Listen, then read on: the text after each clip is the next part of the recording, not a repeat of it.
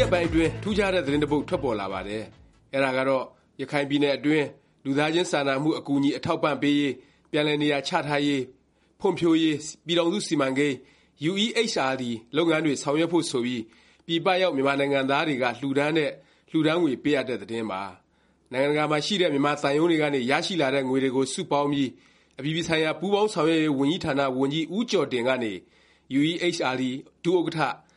လူကယ်ပြန်ဝန်ကြီးဒေါက်တာဝင်းမြတ်အေးကိုလွဲှပြောင်းပေးအပ်တာပါ။ဒါပေမယ့်ငွေကအများကြီးမဟုတ်ပါဘူး။စုစုပေါင်း၆၇၈၁ဒေါ်လာပဲရှိတာပါ။မြန်မာငွေနဲ့ဆိုကျပ်ငွေသိန်း၉၀နီးပါးလောက်ပဲရှိပါတယ်။ဒါဟာရခိုင်အရေးပြသနာကိုဖြေရှင်းဖို့ကိုယ့်ပြည်တွင်းအင်အား၊ပြည်ပရောက်မြန်မာတွေရဲ့အင်အားကိုပဲအသုံးပြုမယ်ဆိုပြီးဒေါ်အောင်ဆန်းစုကြည်ကိုယ်တိုင်မေတ္တာရပ်ခံလှုံ့ဆော်လို့ထည့်ဝင်ကြတဲ့လှူဒါန်းငွေပမာဏပါ။ပွင့်ပွင့်လင်းလင်းပြောရရင်ထင်သလောက်မရဘူးဆိုတဲ့သဘောပါ။ဒီလိုအခြေအနေအောက်မှာ ဒေါ်အောင်ဆန်းစုကြည် အနေနဲ့ ရခိုင်ပြည်နယ် ပြသနာကို အောင်အောင်မြင်မြင် ဖြေရှင်းပေးနိုင်မှာလား၊ဘယ်လို စိန်ခေါ်မှုတွေ ကြုံရမလဲ ဆိုတာ လေ့လာကြည့်ကြရအောင်ပါ။ပြီးခဲ့တဲ့ မတ်လ ၁၄ ရက်နေ့က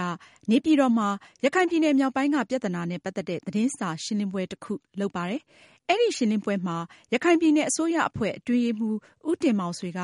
မောင်တောခရိုင်မှာ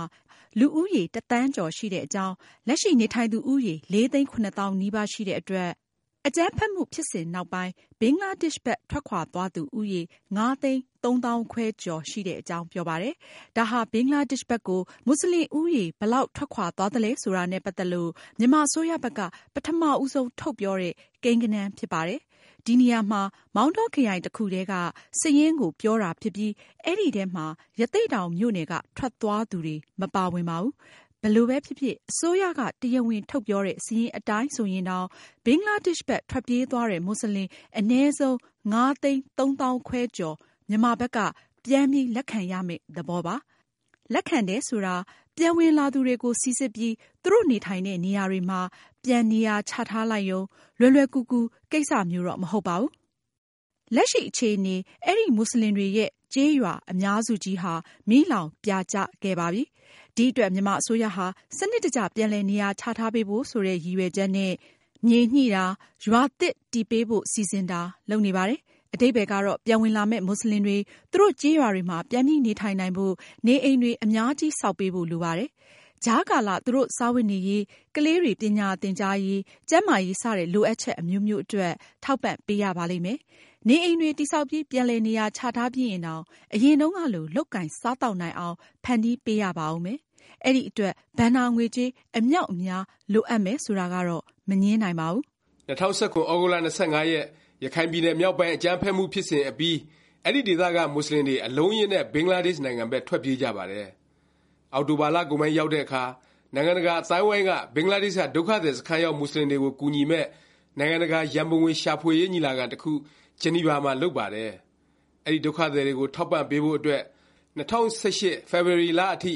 ဒေါ်လာ၄၃၄သန်းလိုမယ်လို့ကုလသမဂ္ဂဘက်ကခန့်မှန်းပါတယ်။အဲဒီညီလာခံမှာတော့နိုင်ငံတကာအလှူရှင်တွေဘက်ကနေဒေါ်လာ၃၃၅သန်းအကူအညီပေးမယ်ဆိုတဲ့ကတိကဝတ်တွေရခဲ့တယ်လို့ဆိုပါတယ်။တကယ်တော့ကုလသမဂ္ဂကလိုတယ်လို့ပြောတဲ့အဲဒီငွေပမာဏဟာ၄လစာလောက်အတွက်ဒုက္ခသည်တွေစားသောက်နေထိုင်၊ကျန်းမာရေးကိစ္စတွေအတွက်အဓိကဖြစ်ပါတယ်။ အခုနောက်ဆုံး မူဆလင်တွေ ဒုက္ခသည်စခန်းမှာ ၂၀၁၈ နှစ်ကုန်ထိ နေထိုင်နိုင်ဖို့ ဒေါ်လာတစ်ဘီလျံအထိ လိုအပ်လိမ့်မယ်လို့ ကုလသမဂ္ဂဘက်က ခန့်မှန်းထားပါပြီ။နည်းတဲ့ ငွေပမာဏ မဟုတ်ပါဘူး။ဒီအချက်တွေကိုကြည့်ရင် ဒုက္ခသည်တွေ ပြန်လက်ခံမယ့်၊စားဝတ်နေရေး၊ကျန်းမာရေး အစစ အရာရာ ဖြေရှင်းပေးရမယ့်၊နေအိမ်တွေဆောက်ပြီး ပြန်နေရာချထားပေးရမယ့်၊အသက်မွေးဝမ်းကျောင်းနိုင်ရေး ဖြေရှင်းပေးရမယ့် မြန်မာအစိုးရအတွက် အဲဒီထက် အများကြီးပိုတဲ့ ဘဏ္ဍာငွေကြေးလိုအပ်မယ်ဆိုတာကတော့ အသေအခြာပါပဲ။ဖြစ်ပွားခဲ့တဲ့ ရခိုင်အရေးအခင်း ပြသနာကြီးကို ဒေါ်အောင်ဆန်းစုကြည်က အစိုးရတစ်ဖွဲ့တည်း ဖြေရှင်းမှာ မဟုတ်ပဲ တစ်တိုင်းပြည်လုံးက အမျိုးသားရေးအဖြစ် ဝိုင်းပြီး ဖြေရှင်းဖို့ လှုံ့ဆော်ခဲ့ပါတယ်။လက်ရှိ ဆောက်လုပ်ရေး အပါအဝင် လုပ်ငန်းတစ်ချို့မှာ တိုင်းနဲ့ပြည်နယ် အစိုးရအဖွဲ့ အားလုံးပါဝင်ဖို့ ညွှန်ကြားခဲ့ပါတယ်။ အဲလို လှုံ့ဆော်ခဲ့လို့လည်း မြန်မာနိုင်ငံရဲ့ အချမ်းသာဆုံးသော စီးပွားရေးလုပ်ငန်းရှင်ကြီးတွေက ရခိုင်ပြည်နယ် ပြသနာ ဖြေရှင်းရေးအတွက် UEHRD ကို အလှူငွေတွေ လှူဒါန်းခဲ့ကြပါတယ်။ဒါပေမယ့် အဲလို ကြီးကြီးကျယ်ကျယ် လှူဒါန်းတဲ့တိုင် ရလာတဲ့ငွေက ဒေါ်လာ ၁၃ သန်းကျော်ကျော်လောက်ပါပဲ။ပြည်ပရောက် မြန်မာတွေရဲ့ လှူဒါန်းငွေကတော့ မဆိုစလောက် ဒေါ်လာ ၇၀၀၀ တောင် မပြည့်ပါဘူး။ ဒီအတွက် သေခြာတာတစ်ခုကတော့ ဒေါ်အောင်ဆန်းစုကြည်အစိုးရအနေနဲ့ ရခိုင်ပြည်နယ်ပြသနာဖြေရှင်းရေး ဘဏ္ဍာငွေကြေးအခက်အခဲကြုံရမယ်ဆိုတာပါပဲ။အဲဒီပြသနာပြေလည်နိုင်ဖို့ဆိုရင် ဒေါ်အောင်ဆန်းစုကြည်ဟာ ကုလသမဂ္ဂအပါအဝင် နိုင်ငံတကာအဖွဲ့အစည်းတွေနဲ့ အလှူရှင်တွေရဲ့ လှူဒါန်းငွေတွေကို လက်ခံဖို့ပါပဲ။လိုအပ်ရင် ဘင်္ဂလားဒေ့ရှ်အစိုးရဘက်ကလုပ်သလို နိုင်ငံတကာရံပုံငွေရှာဖွေရေးညီလာခံမျိုးလုပ်ဖို့ လိုကောင်းလိုနိုင်ပါတယ်။ အဲလိုလုပ်ရင် ပြည်တွင်းက နိုင်ငံရေးပါတီ တစ်ချို့နဲ့ အင်အားစု တစ်ချို့ရဲ့ ဆန့်ကျင်တာမျိုး ခံရကောင်း ခံရနိုင်ပါတယ်။ဘယ်သူတွေကြောင့်ပဲ ဖြစ်ပွားခဲ့သည်ဖြစ်စေ ရခိုင်ပြည်နယ် မြောက်ပိုင်းက ပြသနာဟာ ဒေါ်အောင်ဆန်းစုကြည် အစိုးရအတွက် ဖြေရှင်းရ ခက်တဲ့ ပြသနာမျိုးပါ။ပြသနာ ဖြေရှင်းရေး လမ်းမှန်ပေါ်ရောက်ဖို့ အတွက် တပ်မတော် စစ်ခေါင်းဆောင်တွေ၊ရခိုင်နိုင်ငံရေး ခေါင်းဆောင်တွေကို နိုင်ငံရေးအရ စည်းရုံးရမှာ ဖြစ်သလို၊မူဆလင်တွေ ပြန်ရောက်လာပြီး နောက်ပိုင်းကာလ ဒေသတည်ငြိမ်ရေး၊ ရခိုင်ပြည်နယ် ဖွံ့ဖြိုးတိုးတက်ရေး ကိစ္စတွေကိုလည်း အများကြီး အကောင်အထည် ဖော်ကြရဦးမှာပါ။ဒီထဲ ကြီးမားတဲ့ အခက်အခဲ တစ်ခုကတော့ ဘဏ္ဍာငွေကြေးဆိုင်ရာ ပြသနာဖြစ်ပြီး ပြည်တွင်းအင်အားတင်မက နိုင်ငံတကာ အကူအညီရယူဖို့လည်း စဉ်းစားသင့်ပါကြောင်း တင်ပြလိုက်ရပါတယ